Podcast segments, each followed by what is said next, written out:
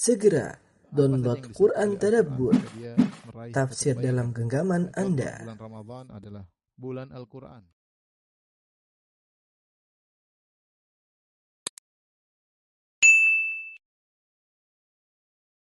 Bismillahirrahmanirrahim. Assalamualaikum warahmatullahi wabarakatuh. Alhamdulillahi ala ihsani wa syukru lahu ala taufiqihi wa amtinani. Asyhadu an la ilaha illallah wahdahu la syarika lahu ta'ziman li sya'ni wa asyhadu anna Muhammadan abduhu wa rasuluhu da'ila ridwani. Allahumma salli alaihi wa ala alihi wa ashabihi wa ikhwani. Eh, para jamaah Majelis dan Nur yang dirahmati oleh Allah Subhanahu wa taala. Kita masih melanjutkan bahasan kita tentang tafsir surat An-Nur yang berisikan adab-adab yang perlu diketahui oleh kaum muslimin secara umum. Demikian juga diketahui oleh para wanita secara khusus. Dan kita masih pada ayat yang ke-31 yang sebagiannya sudah kita jelaskan pembahasannya tentang masalah menundukkan pandangan ya. Di mana Allah berfirman, "Wa kullil mu'minati yaghuddna min absarihinna wa yahfazna furujahunna." Kata Allah Subhanahu wa taala dan katakanlah pula ya, setelah Allah menyuruh lelaki untuk menundukkan pandangan, Allah juga merintahkan wanita untuk menundukkan pandangan. Wa kullil mu'minati yaghuddna min absarihinna katakanlah kepada para wanita untuk menundukkan pandangan mereka wa yahfazna furujahunna dan hendaknya mereka uh, menjaga uh, kemaluan mereka. Wala yubdina zinatahunna illa ma dhahara minha. Selanjutnya ini yang belum kita bahas. Allah Subhanahu wa taala berfirman, "Wala yubdina dan janganlah mereka uh, menampakkan perhiasannya kecuali yang biasa tampak darinya. Wala yubdina zinatahunna illa ma dhahara minha."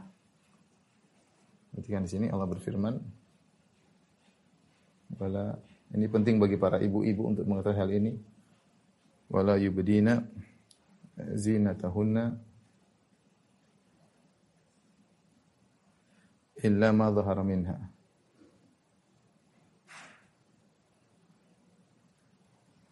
Uh, yang artinya janganlah mereka para wanita. Janganlah para wanita memperlihatkan yubdin itu memperlihatkan atau menampakkan menampakkan memperlihatkan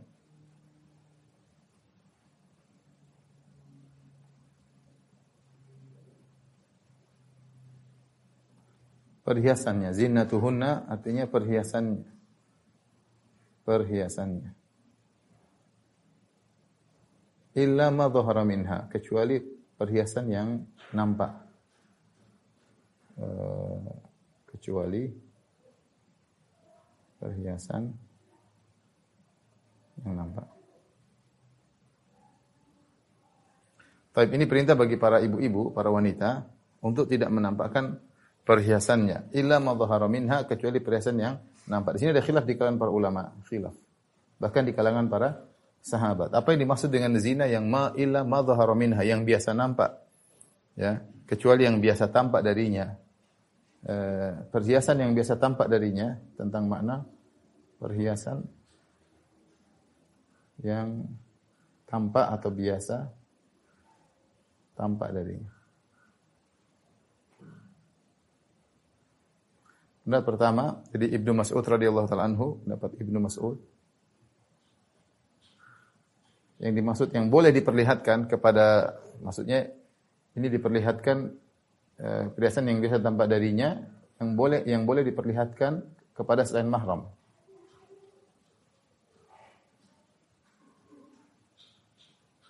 Kepada uh, lelaki ajanib itu para lelaki selain mahram.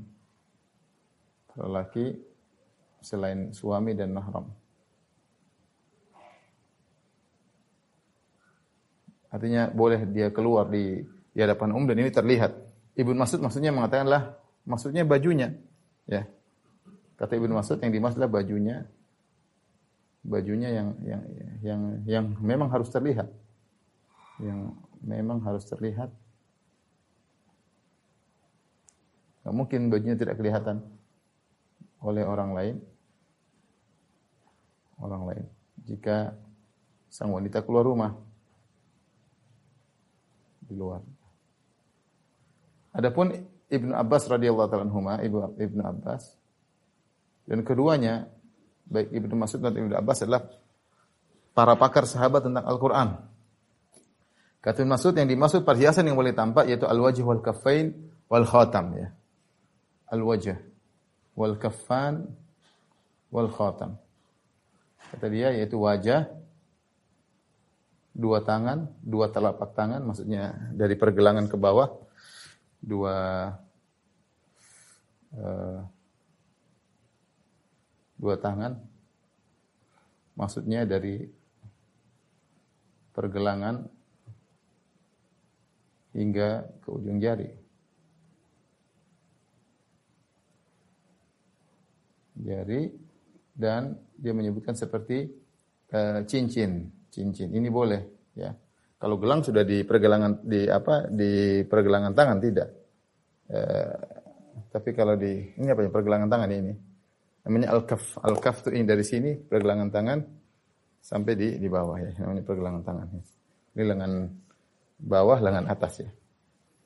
Jadi ini yang disebut oleh Ibnu Abbas. Sehingga dari sini kita tahu bahwasanya para ulama khilaf tentang makna perhiasan yang boleh dilihat oleh dari wanita yang dilihat oleh lelaki yang bukan mahram. Ya.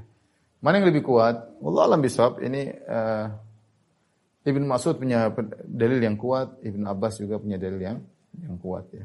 Tapi kalau ditinjau dari bahasa, ya, jika ditinjau dari bahasa, jadi kalau menurut Ibnu Mas'ud, wajah dan wajah dan tangan juga harus tutup.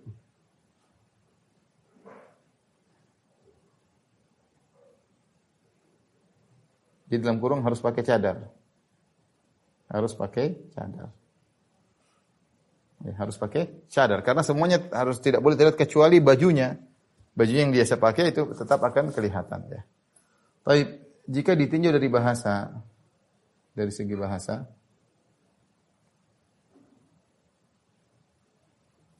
yang namanya zina, yaitu zina, ya, bukan zina ya, zina.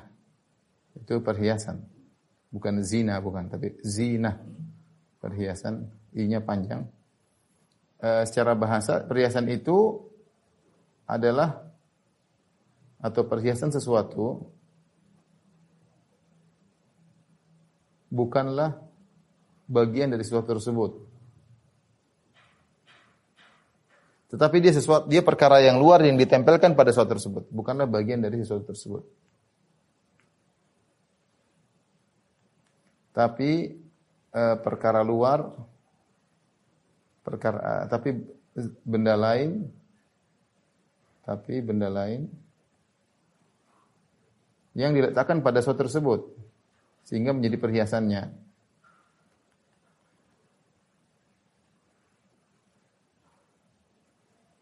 Sehingga menjadi perhiasannya. Contohnya, e, contohnya Allah Subhanahu Wa Taala berfirman, contoh dalam Al-Quran Allah mengatakan, walaqad zayyana sama ad-dunya bima sahbih. Kata Allah, walaqad zayyana sama ad-dunya bima sahbih. Kami telah menghiasi langit dengan bintang-bintang, masabi bintang-bintang. Nah, bintang-bintang ini bukan bagian dari langit, dia benda suatu benda ditempelkan di langit, namanya zina. Contoh lagi seperti Allah Subhanahu wa taala, ya bani Adam, ya bani Adam dalam surat Al-A'raf, khudhu zinatakum inda kulli masjid. Perhatikan, wahai anak-anak Adam, ambillah perhiasan kalian zinatakum maksudnya baju, pakai baju yang bagus.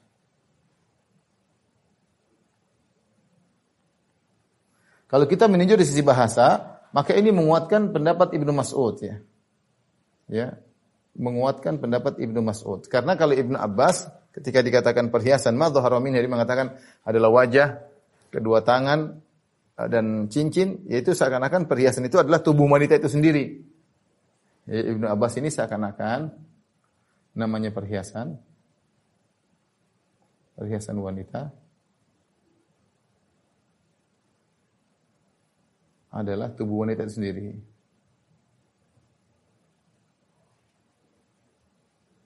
Sehingga yang dikecualikan adalah wajah dan telapak tangan. Wajah dan telapak tangan.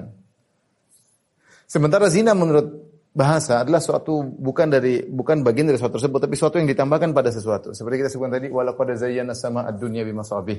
Sungguh kami telah uh, menghiasi uh, langit dengan bintang-bintang. Bintang-bintang bukan dari langit tapi dipasang di langit-langit. Sehingga dalam hal ini pendapat Ibnu Mas'ud cukup kuat ya yang mengatakan bahwasanya yang boleh dilihat hanyalah uh, bagian luar tubuh apa namanya baju ya adapun wajah dan tangan hendaknya di ditutup. Ala kulli hal ini ada khilaf di kalangan para ulama tentang uh, wajah apakah harus ditutup, apakah boleh di, dibuka. Meskipun semua sepakat bahwasanya memakai cadar adalah perkara yang dianjurkan, hanya saja para ulama khilaf tentang wajib atau tidaknya. Sebagian mengatakan wajib karena wajah adalah sumber segala kecantikan dan sebagian lagi mengatakan hukumnya sunnah karena wajah tidak wajib untuk ditutup. Tolong dianuin di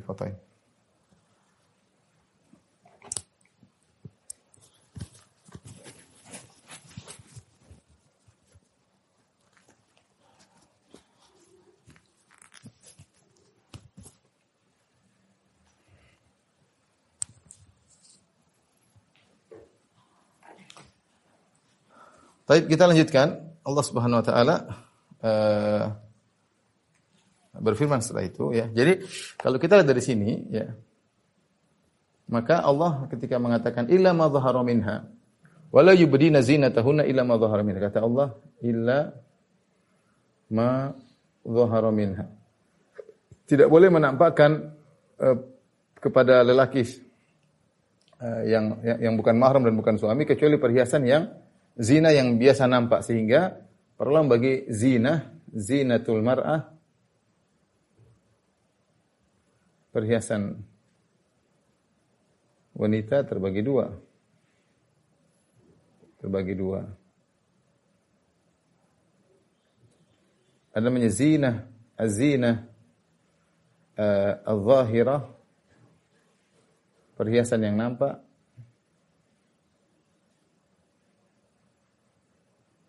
Ini boleh diperlihatkan, boleh dilihat oleh selain suami dan mahram. Ini boleh. Laki asing boleh, gitu. Oleh maksudnya laki asing. Laki asing boleh melihat. Uh, yang kedua disebut dengan azina al-khafiyah zina al-khafiyah atau mereka bilang al-batinah. Perhiasan tersembunyi.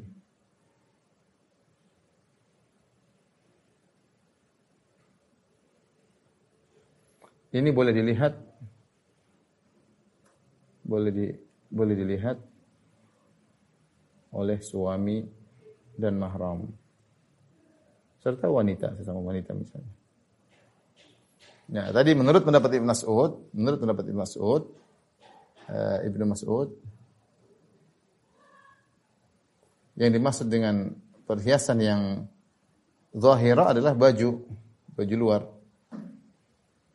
Kerudung, ya ini tidak apa-apa. Adapun perhiasan yang tersembunyi maksudnya adalah gelang tangan misalnya. Contoh gelang tangan, kalung, ya. khol-khol, gelang kaki. Uh, uh, misalnya sebagian wanita ada yang pakai apa namanya anting di di, di hidungnya ya, di, anting di telinganya, anting ya. ya. Ini ini namanya zina khafiyah, perhiasan yang tersembunyi boleh dilihat. Dan kalau boleh melihat boleh melihat perhiasan ini. Perhiasan ini kan diletakkan di, di berarti boleh melihat bagian tubuh tempat perhiasan ini. Berarti boleh melihat anggota tubuh tempat perhiasan tersebut. Tempat dipakainya perhiasan tersebut.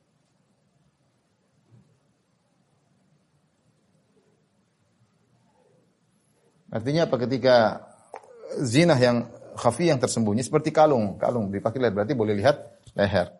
Eh, gelang tangan ya berarti boleh pakai lihat lengan tangan bawah, lengan tangan atas ya.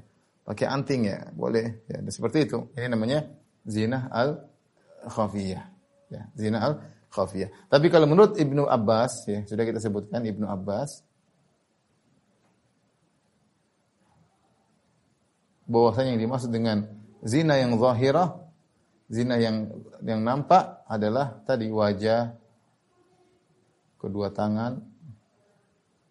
Ingat ya kedua tangan maksudnya pergelangan tangan sampai jari, pergelangan tangan dan uh, cincin ya.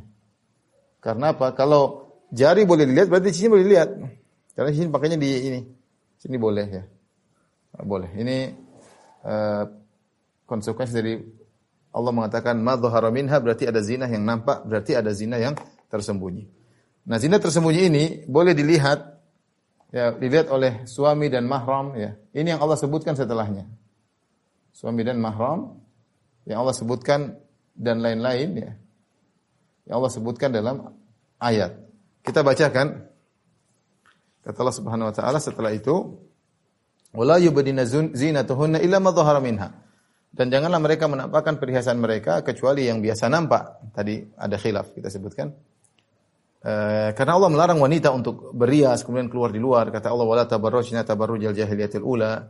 Janganlah para wanita keluar ber, bertabarruj seperti orang wanita zaman jahiliyah yang mereka menampakkan aurat mereka ya.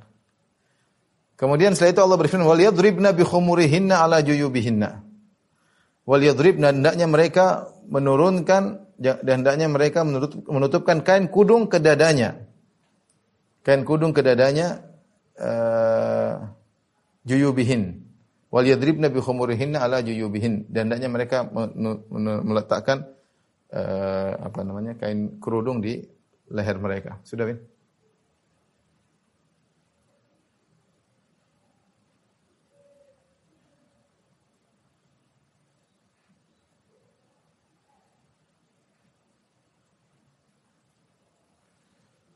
Ini kita ingin bahas secara bahasa. Kata Allah Subhanahu wa taala,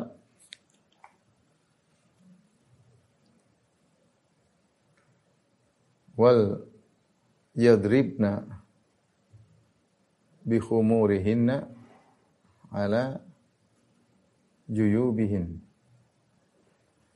Idrib maksudnya kalau bahasa kita menunjukkan perbuatan yang keras misalnya mukul yaitu hendaknya tegasan. Yadribna kata darb ya kata yadribna doroba dalam ayat ini menunjukkan penekanan. Itu benar-benarlah pakai kerudung. Yaitu hendaknya benar-benar hendaknya benar-benar pakai kerudung.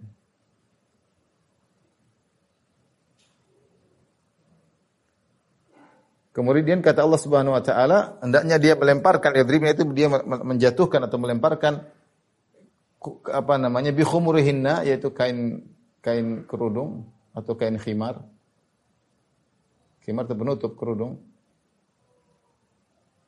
Ala juyubihin. Juyubihin ini juyub, jaib itu ini.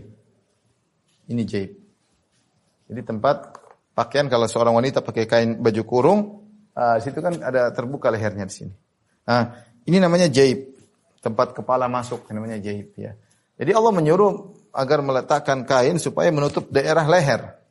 Karena ini namanya jaib disuruh tutup. Disuruh tutup oleh Allah Subhanahu wa taala. Wal yadribna bi khumurihinna ala juyubihin. Hendaknya dia jatuhkan apa? E, kainnya di lehernya, lehernya. Berarti menunjukkan dada tertutup. Nah, cara cara cara melakukannya ada dua khilaf di kalangan para ulama. Cara itu maksudnya apa nih kalau juyubihna itu ini apa namanya? Kera leher ya. Iya, kera leher ya. Kera baju. Kera uh, baju. Bagian leher. Kerah ya. Kerah baju bagian leher. Ini ditutup. Nah, adapun caranya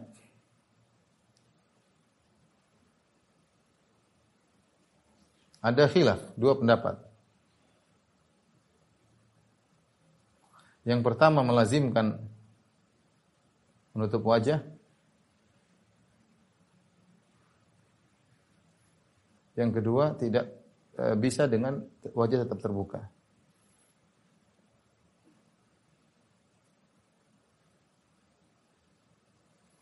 Jadi eh, ada yang mengatakan cara cara khimar yaitu kain diambil kemudian diputarkan di leher kemudian diputarkan ke wajah. Jadi wajah tutup, kemudian leher tutup. Dari situ wajah tetap kelihatan, tapi tutup adalah kepala jatuh. Karena Allah, Allah mengatakan jatuhkan dari atas, berarti kan taruh dulu gini, jatuh dulu dari atas. Setelah itu baru nutup. Ini seperti dilakukan oleh wanita Indonesia banyak seperti itu. Jadi baju atau wanita ketika bertemu dengan mereka, mereka seperti jadi ada kain kerudung taruh di atas, kemudian dia taruh ke bawah, kemudian dia tutup, tutup leher, sehingga dikatakan telah menjatuhkan kain dari atas dan menutup juyub. Ini ini melazimkan wajah terbuka. Ini pendapat sebagian ulama. Pendapat yang lain mengatakan maksudnya juyubihinna, maksudnya tutup dari atas, jatuhkan kain dari atas. Sehingga semua dada tertutup. Dan itu melazimkan bahwasanya uh, apa namanya? melazimkan bahwa uh, wajah adalah hendaknya ditutup. Dan ini pendapat sebagian ulama ya. Dalil menunjukkan pemahaman para sahabat ya, bahwasanya uh, wajah ditutup. Ayat ini wal yadribna bi khumurihinna ala juyubihinna hendaknya mereka menjatuhkan kain kerudung mereka untuk menutupi leher-leher mereka melazimkan bahwasanya wajah tertutup. Ini pendapat para sahabat wanita, para sahabat wanita. Ketika turun ayat ini dalam Sahih Al-Bukhari, dalam Sahih Bukhari ketika turun ayat ini wal yadribna bi khumurihinna ala juyubihinna hendaknya para wanita menutupkan khimar-khimar mereka ke dada-dada mereka, maka sahabiat para sahabat uh, mengatakan uh, fashaq fashaqqaqna murutahunna fakhtamarna bihi. Kata kata Aisyah radhiyallahu taala anha bahwasanya para wanita pun merobek izar mereka, sarung mereka. Kemudian fakhtamar nabihi, mereka pun ikhtamar dengan baju tersebut kata Ibnu Hajar ai ghattainahunna wujuhahunna yaitu mereka menutup wajah mereka. Mereka menutup wajah mereka. Jadi kata Ibnu Hajar bahwasanya para sah para sahabiat, para sahabat wanita memahami ayat ini ketika Allah mengatakan wal yadribna bi khumurihinna ajubihinna hendaknya mereka menutup dada mereka dengan melemparkan kain dari atas kepala mereka maksudnya dengan menutup wajah sehingga menutup dada. Sehingga dari sini mereka mengatakan melazimkan menutup wajah. Intinya menutup wajah. Intinya kembali kita khilaf tentang masalah cadar. Khilaf tentang hukum cadar. Tentang hukum cadar ya. Apakah wajib apakah wajib wajib atau sunnah? Namun ingat, mereka sepakat, namun para ulama sepakat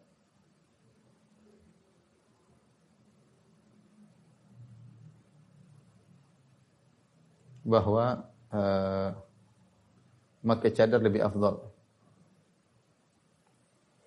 Baik. Sama, sepakat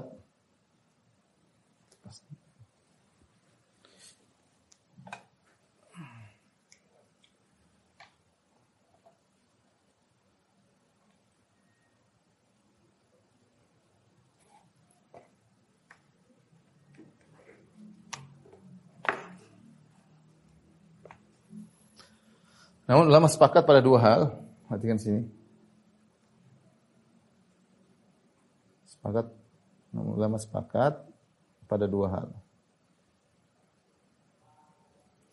Yang pertama, lebih afdol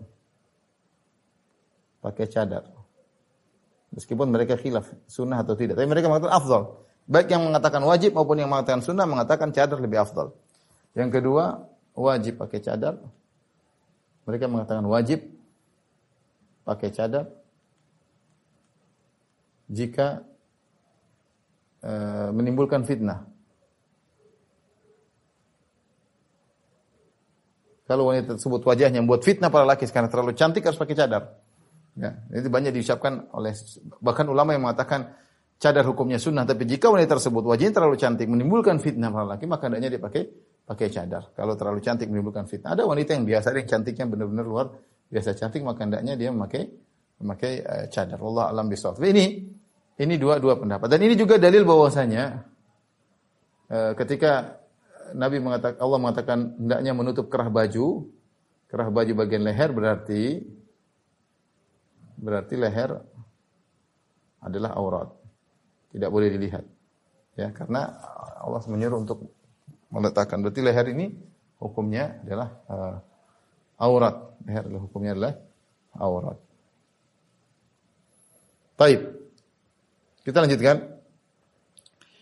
Uh, setelah itu Allah mengatakan, wala yubdina zinatahunna. Allah ulangi lagi, wala yubdina zinatahunna dan janganlah mereka menampakkan perhiasan mereka illa li buulatihinna. Ini sudah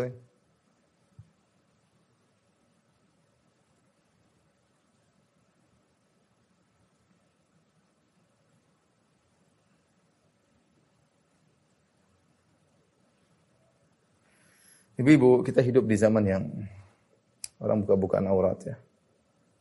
Yang menjalankan sunnahnya sedikit. Orang menjalankan sunnah.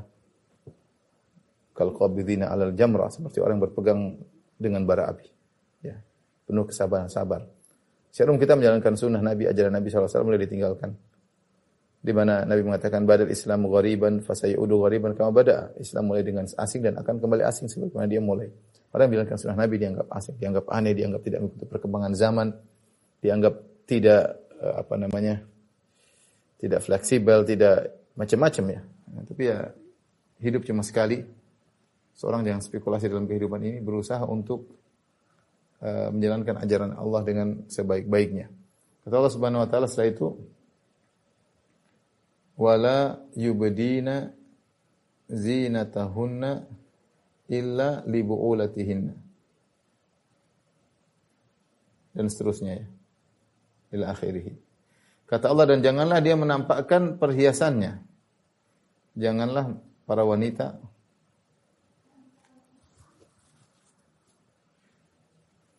menampakkan perhiasannya kecuali kepada suaminya, kecuali kepada suaminya.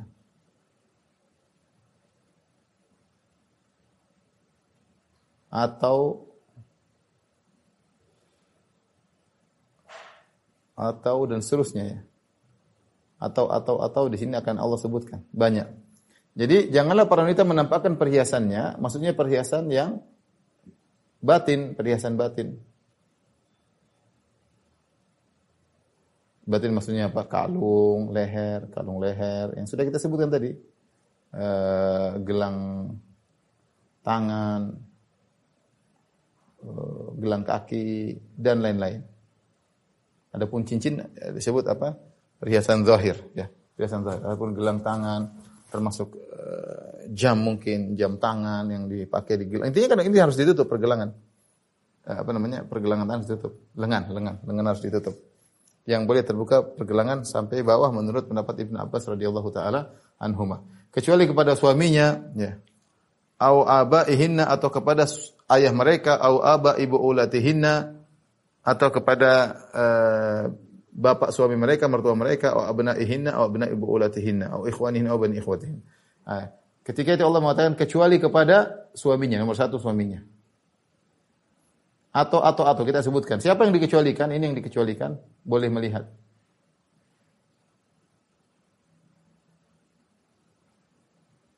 Orang-orang di dikecualikan boleh melihat.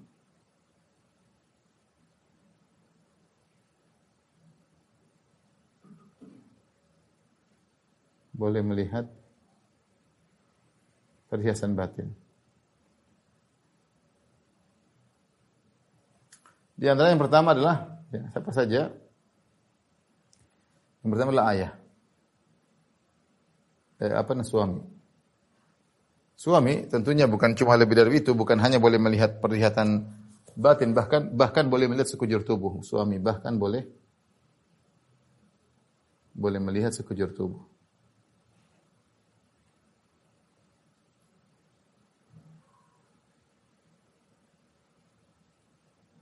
Ini suami yang pertama.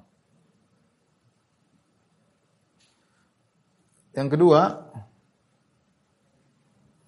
adalah uh, abi abaihinna yaitu suami eh, ayah ayah para ayah ayahnya yaitu ayah sang wanita.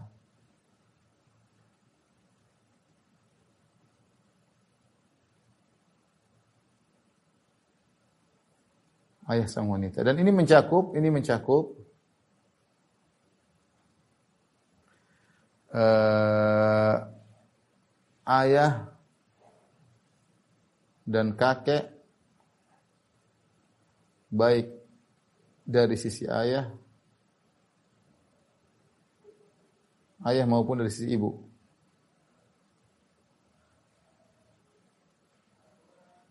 Jadi kakek dari ayah, kakek dari ibu semuanya boleh melihat eh, perhiasan yang tersembunyi dari para wanita ya. Ini adalah ter, Allah membahas tentang apa yang perkara-perkara orang-orang yang boleh melihat perhiasan tersebut. Artinya mahramnya ya, di antaranya ya, ini mahram-mahramnya. Kemudian au aba ibu ulatihinna. Ini yang kedua. Yang ketiga kata Allah Subhanahu wa taala aba ibu ulatihinna yaitu ayah suami ayah suami dalam kurung mertua. Ya.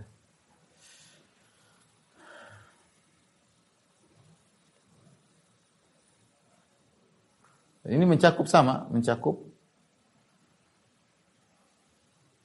kakek dari sisi ayah mer dari sisi ayah suami atau dari sisi ibu suami. Sisi eh, ibu ibunya suami.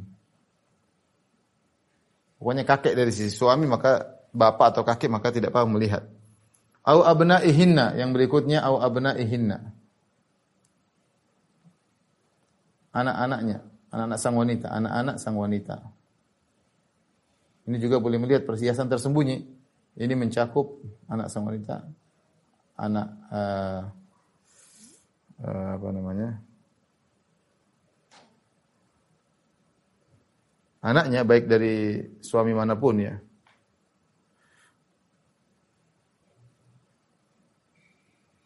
Ya, atau anak-anak sang wanita tentunya boleh. Kemudian yang kelima, anak-anak suami, anak-anak suaminya. Bisa jadi anak-anaknya sendiri atau anak suami dari istri yang lain. Dari istri yang lain. Ya, itu juga mahram. Kalau kita menikah dengan seorang wanita menikah dengan seorang laki, laki-laki itu kemudian bawa anak bawaan. Nah, anak bawaan itu boleh melihat istri bapaknya karena mahram ya.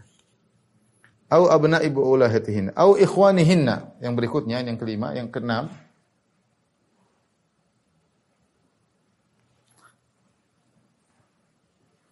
Au ikhwanihinna yaitu saudara saudara-saudaranya. Itu saudara laki-lakinya dan ini mencakup kandung, seayah seibu, saudara-saudara kandung atau seayah atau seibu. Ini semua merupakan mahram. Jadi boleh melihat perhiasan batinnya. Ya. Kemudian uh, au abnaihinna uh, au ban au ikh au ikhwanihinna saudara-saudaranya au bani ikhwanihinna. Yang ketujuh anak-anak laki-laki, putra-putra saudara laki-lakinya, putra-putra saudara lelakinya. Maksudnya ponakan. Ini juga ini maksudnya ponakan. Ponakan laki. Eh, au bani ikhwanihinna. Putra-putra saudara laki-lakinya. Sama laki-lakinya baik saudara sekandung maupun seayah. Maksudnya saudara kandung, kandung seayah atau seibu. Kalau punya laki-laki boleh melihat aurat sang apa perhiasan yang tadi, perhiasan batin. Itu yang tangan, kemudian leher, kaki, itu boleh. Kemudian juga ini tadi yang keenam, yang ketujuh. Yang kedelapan, ya, putra-putra saudari wanitanya, putra-putra saudarinya, saudarinya itu perempuan. Sama ini juga ponakan laki-laki dari saudara saudari perempuan. Ini juga boleh uh, boleh melihat. Au bani akhwatihinna. Au nisaihinna. Kemudian yang kesembilan wanita-wanita mereka au nisaihinna yang sembilan wanita-wanita mereka. Nah, ini ada khilaf karena Allah mengatakan au nisaihinna, nisaihinna. Itu nisa wanita-wanita mereka. Apa maksudnya wanita mereka di sini? Ada khilaf. Khilaf. Ini pendapat cukup kuat khilaf. Ada yang mengatakan bahwasanya uh, hanya wanita muslimah yang boleh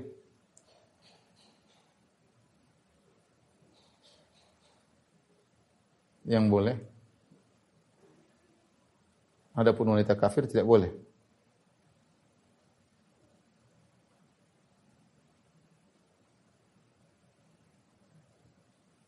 Tidak boleh melihat. Sepertinya ini adalah pendapat uh, madhab syafi'i, kalau saya tidak salah ingat. Adapun pendapat yang kedua, mereka mengatakan, uh, mereka mengatakan Au nisaihinna maksudnya jenis wanita secara umum mencakup wanita kafir.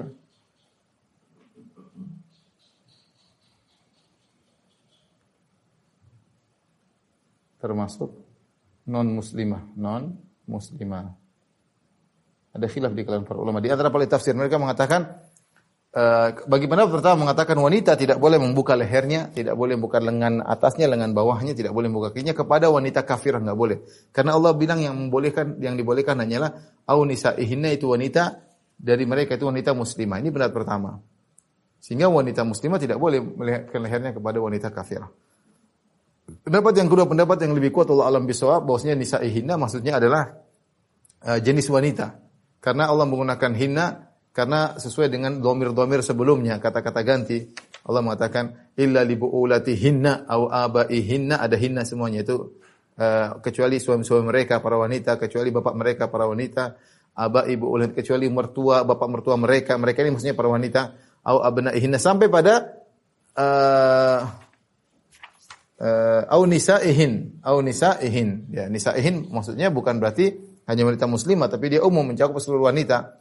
Oleh karenanya disebutkan bahwasanya ada para tabibat, para dok, uh, tabib-tabib wanita yang meng, yang menguati para uh, sahabiah dan mereka tidak pernah mengatakan bahwa kita harus berhijab dulu sebelum ketemu wanita non muslimah. Demikian juga sebagai wanita Yahudi bertemu dengan Aisyah radhiyallahu taala di rumahnya dan tidak disebutkan Aisyah kemudian berhijab dulu untuk wanita tersebut wanita tersebut. Intinya bahwasanya yang benar wanita muslimah, wanita kafirah sama saja dalam hal masalah ini.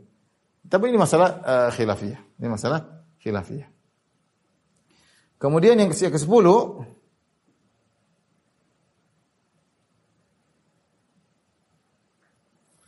Kata Allah Subhanahu wa taala, "Au ma malakat aimanuhunna" atau budak-budak budak-budaknya.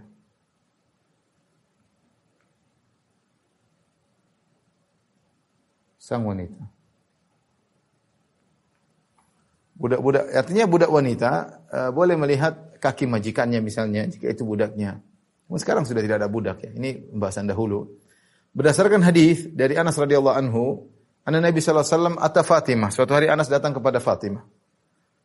Uh, bi abdin kana qad. Uh, Nabi memberikan hadiah kepada Fatimah seorang lelaki budak. Wala Fatimah radhiyallahu taala anha thawbun. Fatimah ketika memakai baju, Idza qanna'at bihi ra'saha lam yabluk rijlaiha. Kalau dia tutup wajahnya maka kakinya tersebut tidak akan menutup kedua kakinya. Wa idza ghatat bi rijlaiha lam yabluk ra'sa. Kalau dia gunakan kain bajunya untuk menutup kakinya, kepalanya akan terbuka. Ya.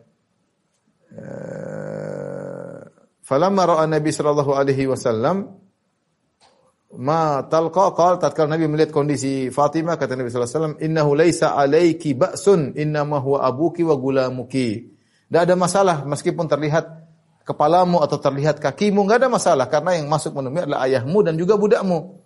Adalah bahwasanya budak boleh melihat yang nampak dari majikannya berupa wajah, berupa tangan, berupa kaki. Tidak jadi uh, masalah. Tentu ini masalah khilaf, tapi ini pendapat yang kuat. Bosnya uh, budak uh, demikian. Kemudian kata Allah Subhanahu wa taala, "Awit tabi'ina ghairi ulil irbati minar rijal." 11 atau uh, sini terjemahnya. Atau pelayan laki-laki yang tidak punya keinginan terhadap wanita.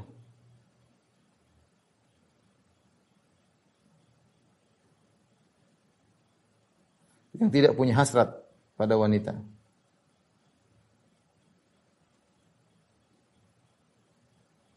Nah, mereka boleh melihat leher, melihat kaki sebagaimana mahram, tetapi ingat mereka ini bukan mahram. Ini ada yang mengatakan maksudnya lelaki yang tidak tidak punya syahwat atau lelaki yang uh, bencong yang tidak bisa melihat, tidak punya syahwat sama perempuan sama sekali atau lelaki yang uh, pelayan yang ikut sana ikut suatu kaum makan ikut situ, maka seperti ini boleh dia melihat uh, aurat uh, majikannya, artinya aurat dalam, dalam sisi itu wajah, tangan, kaki seperti yang biasa dibuka ketika di rumah.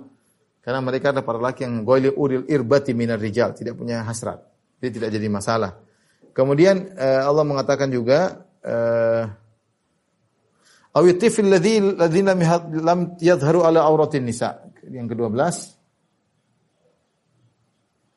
anak-anak laki-laki. Yang tidak ngerti tentang aurat, yang tidak ngerti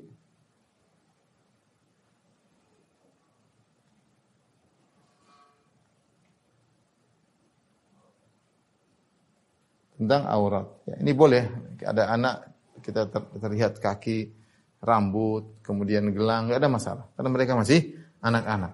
Ya. Nah, ini 12 golongan yang boleh dinampakkan perhiasan batin. Saya ulangi, perhiasan terbagi dua, perhiasan zahir adalah baju, kerudung, nampakkan luar. Perhiasan batin seperti kalung di leher, gelang di lengan atas, ya mungkin uh, anting di telinga, mungkin ada yang pakai anting di hidung, ya kemudian uh, gelang kaki. Ini semua boleh dilihat bagi orang-orang yang diizinkan. Siapa orang diizinkan tersebut? 12 orang tadi yang Allah sebutkan dalam Al-Qur'an. Ini kalau di antaranya mahram, di antaranya orang yang tidak berhasrat, seperti anak-anak yang tidak ngerti tentang aurat, enggak ada masalah. Ya, tidak ada masalah. Seperti laki-laki pelan-pelan yang tidak punya hasrat sama wanita tidak jadi masalah. Ini semua boleh melihat uh, aurat uh, wanita. Kemudian setelah itu Allah berfirman,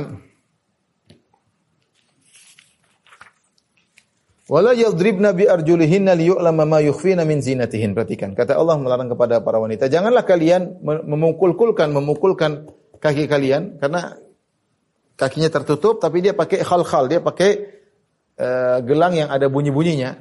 Kemudian dia pukul-pukulkan kata Allah, jangan kalian pukulkan supaya orang tahu kau sedang pakai uh, gelang kaki. Ini sudah Perhatikan. Allah berfirman, wala yadribna bi arjulihinna liyu'lama ma yukhfina min zinatihin Kata Allah, jangan memukulkan kaki. Jangan para wanita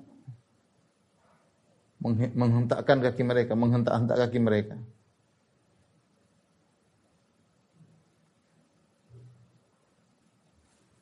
Untuk agar orang yang uh, untuk uh, untuk memperlihatkan untuk mendengarkan perhiasan yang mereka sembunyikan.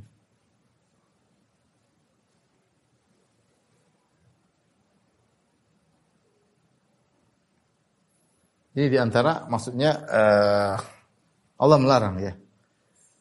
Nah, kalau Memperdengarkan saja tidak boleh, apalagi melihat. Perhatikan sini. Apa yang dipahami? Jika memperdengarkan saja perhiasan kaki,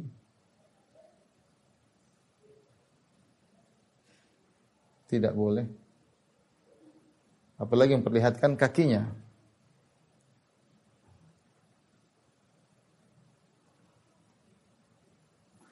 Ini berarti kaki adalah aurat.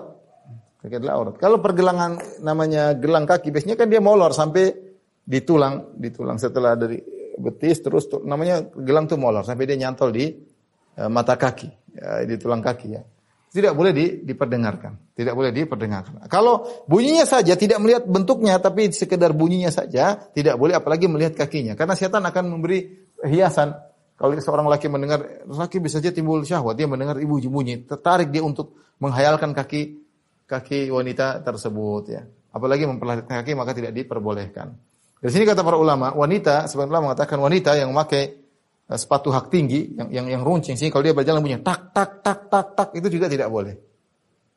Dan semua gerakan wanita, perbuatan wanita yang menarik perhatian yang orang jadi berhasrat dengan kalam per perkataan yang lemah lembut, baju yang digoyang-goyang, ini semua tidak boleh. Semua tidak diperbolehkan. Makanya di makruh azan wanita tidak boleh. Karena kalau mendayu-dayu tidak boleh. Ya. Jangankan suara wanita, uh, suara perhiasan aja di kaki, yang tertutup, cuma dia pakai bunyi kering, kering, kering, kering itu tidak diperbolehkan oleh Allah liyu'lama ma yukhfina min zinatihin. Setelah itu Allah mengatakan wa tubu ila jami'an. Allah tutup kata Allah. Wa tubu ila Allahi jami'an ayyuhal mu'minun. La'allakum tuflihun. Bertobatlah kalian seluruhnya. Bertobatlah. Seluruhnya seluruh kalian. Ayuhal mu'minun wahai orang yang beriman la'allakum tuflihun semoga kalian beruntung.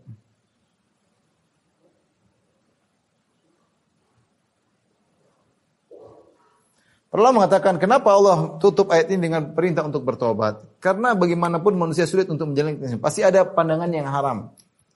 Pasti. Wanita apalagi pasti ada terlihat sebagian eh, lengannya, sebagian kakinya tidak tidak taat kepada Allah Subhanahu wa taala, maka hendaknya seorang menutup dirinya dengan bertaubat kepada Allah. Karena dia belum tentu bisa menjalankan ayat ini. Kita laki-laki suruh tundukkan pandangan sulit kita nonton berita, lihat ceweknya terbuka auratnya, terbuka rambutnya, terbuka tangannya. Kita nonton YouTube terkadang iklannya, iklan wanita terlihat ke kemenorannya dan macam-macam. Semua ini tidak bisa kita hindari. Maka Allah mengatakan di akhir ayat, bertobatlah kepada Allah Subhanahu wa taala. Ya bertobatlah kepada Allah Subhanahu wa taala. Dan ini kata Syekh Utsaimin rahimahullah ketika Allah menyuruh untuk bertobat dalil bahwasanya mengumbar pandangan adalah dosa yang Allah perintahkan untuk bertobat. Karena Allah bicara tentang masalah pandangan. Wa kullil mu'minina yaghuddu min absarihim katakanlah kepada para laki untuk menutup untuk menundukkan pandangan mereka. Wa kullil mati yaghuddu min absarihim katakanlah kepada para wanita untuk menundukkan tundukkan menundukkan pandangan mereka. Kemudian kecuali dan jangan menampakkan perhiasan mereka kecuali kepada 1 2 3 sampai 12. Allah mendahulukan larangan uh, mendahulukan menjaga mata daripada menjaga kemaluan karena mata adalah awal dari terjerumus dalam perzinahan. Kalau seorang tidak melihat dia tidak akan terhasrat, berhasrat untuk berzina. Tapi gara-gara dia melihat, maka hasratnya timbul akhirnya terjerumus dalam uh, perzinahan. Ini dalil bahwasanya kalau kita melihat yang haram kita wajib untuk bertobat karena dari, setelah Allah menyebut tentang ayat kewajiban mem, menjaga pandangan Allah akhirnya dengan watubu ilallahi jami'an ayyuhal mu'minun. Hendaknya kalian bertobat wahai kaum mukminin seluruhnya. Seluruhnya ya. Sebagaimana Nabi Shallallahu Alaihi Wasallam uh, senantiasa bertobat kepada Allah Subhanahu Wa Taala. Nabi Wasallam mengatakan, Ya ayuhan nas tubu ila Allah, fa inni atubu fil yawm ilaihi mi'ata marrah. Wahai manusia sekalian bertobatlah kepada Allah. Sungguhnya aku bertobat kepada Allah seratus kali. Dalam hadis yang lain, wallahi inni la astaghfirullah wa atubu ilaihi fil yaumi aktsar min 70 marrah. Demi Allah aku bertobat kepada Allah dan aku beristighfar kepada Allah sehari lebih dari 70 kali. Ya, seorang sadar dia punya kekurangan. Kita ini kenapa perlu bertobat? Karena kita kurang bisa menghindari menghindarkan diri dari larang-larang Allah Subhanahu wa taala. Kita masih melihat yang haram. Kemudian juga di antaranya kita eh, masih kurang pandai bersyukur kepada Allah Subhanahu wa taala. Banyak kewajiban yang belum tuh bisa kita kerjakan sehingga kita ini wajib untuk bertobat. Wajib bertobat dan wajib tobat adalah keper, keperluan harian, keperluan harian karena kita sering bermaksiat kepada Allah terutama di zaman sekarang di zaman uh, medsos ya. Dan yang bisa menundukkan pandangan hanyalah orang beriman. Makanya Allah mengatakan kulil mu'minin yaghuddu min absarihim. Perhatikan kulil mu'minin yaghuddu min absarihim. Barang siapa mengerti bahasa Arab tahu yaghuddu adalah majzum. Kulil mu'minina yaghuddu min absarihim. Katakanlah kepada kaum mukminin agar mereka tundukkan pandangan berarti ada fiil syarat fiil syarat misalnya kullahum guddu ya guddu absarahum ya guddu min absarihim seakan-akan Allah berkata wahai nabi katakanlah kepada orang beriman tundukkanlah pandangan mereka otomatis ya guddu min absarihim Hanya orang yang beriman, yang imannya kuat, yang mampu, yang bisa menjalankan perintah ini. Menunjukkan pandangan yang yakin akan hari kiamat bahwasanya Allah Subhanahu wa taala mengetahui matanya dan Allah akan minta pertanggungjawaban apa yang dia lihat. Seluruh yang dilihat akan diminta pertanggungjawaban. Makanya larangan untuk uh, larangan untuk mengumbar pandang, larangan uh, perintah untuk menundukkan pandangan didahulukan dari perintah didahulukan daripada perintah untuk menjaga kemaluan. Karena pandangan ini cakupannya luas, orang bisa melihat macam-macam. Dan pandangan bisa kemudian membuat orang berhayal dalam hatinya tentang sesuatu. Ya, saya Ibnu Qayyim mengatakan seorang melihat sesuatu bisa jadi sesuatu tersebut seperti berhala yang kemudian hatinya selalu ya wukuf, selalu perhatian terhadap berhala tersebut. Jadi dia pikir melulu, dia bayangkan, dia khayalkan sehingga memakan waktu yang banyak. Lama-lama actionnya menuju pada perzinahan. Orang yang menundukkan pandangan maka Allah akan kata Ibnu Qayyim rahimahullah dalam kitab Jawabul Kafi, Allah akan berikan cahaya dalam hatinya. Allah akan buat buat dia firasat sehingga dia bisa membenarkan mana yang benar dan mana yang yang batil. Manfaat untuk menundukkan pandangan. Orang yang menundukkan pandangan, maka Allah akan berikan kebahagiaan dalam hati. Dia merasa dekat dengan Allah Subhanahu wa taala. Dan ingat bahwasanya mata adalah corong yang paling cepat untuk merusak hati seseorang. Dan melihat langsung masuk ke dalam corong. Sehingga Ibnu Qayyim mengatakan jika kemudian kita melihat yang haram dan corong kotoran sudah masuk dalam hati seorang, maka hati tersebut menjadi seperti sampah, tong sampah, banyak kotoran dia lihat, yang haram-haram dia lihat. Masuk semua hati jadi tong sampah sehingga tidak bisa menerima iman lagi cahaya Allah susah ini bahaya. Seorang senantiasa beristighfar kepada Allah. Jangan biarkan hatinya rusak gara-gara pandangan yang dia uh, umbar. Ya. Tapi uh, mungkin sampai sini saja ya. Oh ada satu tambahan, kenapa tidak disebutkan paman ya? Kita tahu di antara 12 orang tersebut tadi kita sebutkan yang boleh melihat aurat, Allah tidak menyebutkan paman. Padahal paman-paman juga boleh melihat aurat ponakannya, artinya melihat uh, bukan besar tapi maksudnya leher yang zina yang tersembunyi tadi. Leher tangan yang biasa terbuka ketika sedang di rumah karena paman adalah mahram. Kenapa tidak disebutkan paman? Ada beberapa pendapat ada yang mengatakan karena paman seperti ayah. Yang nggak perlu disebutkan ketika sudah disebut ayah sudah mewakili paman. Ayah boleh melihat berarti paman juga boleh uh, melihat. Uh, kemudian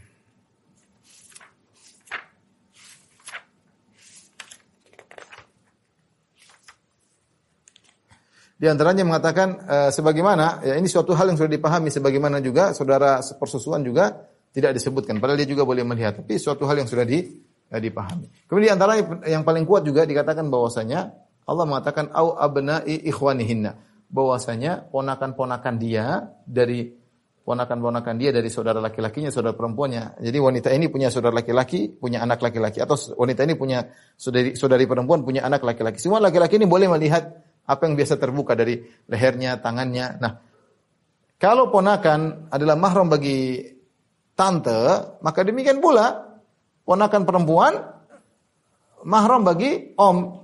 Ini bisa dipahami dari ayat ini. Jadi mungkin kenapa tidak disebutkan om dan paman ya? Karena sudah diisyaratkan dari firman Allah, wanita itu boleh dilihat oleh ponakan laki-lakinya. Nah, berarti bisa dipahami kalau ponakan laki-laki boleh melihat leher, tangan dan kaki tantenya, maka sebaliknya ponakan perempuan juga boleh dilihat oleh omnya, boleh omnya, tidak jadi uh, masalah ya. ya. Adapun pendapat yang mengatakan bahwasanya tidak disebut om karena om kalau melihat dia bisa cerita tentang wanita ini kepada anaknya itu sepupunya dan sepupu bukan mahram. Ini pendapat sangat lemah tidak kuat. Karena kalau begitu bisa diharamkan kepada semua orang. Setiap wanita, setiap orang yang bisa yang bisa melihat seorang wanita dia bisa cerita sama orang lain. Yang benar tadi yang kita katakan bahwasanya om tidak disebutkan karena om itu seperti ayah tidak perlu disebutkan sudah tahu itu mahram. Atau sebaliknya tadi Allah sudah sebutkan ponakan laki-laki boleh melihat tangan kaki tantenya maka demikian juga om boleh melihat ponakan perempuannya lihat tante eh, lihat lihat apa leher tangan dan kakinya. Wallahu alam bisawab demikian saja kajian kita uh, penjelasan Indonesia insyaallah kita lanjutkan uh, pada pertemuan berikutnya. Kurang lebih mohon maaf. Wabillahi taufiq Assalamualaikum warahmatullahi wabarakatuh.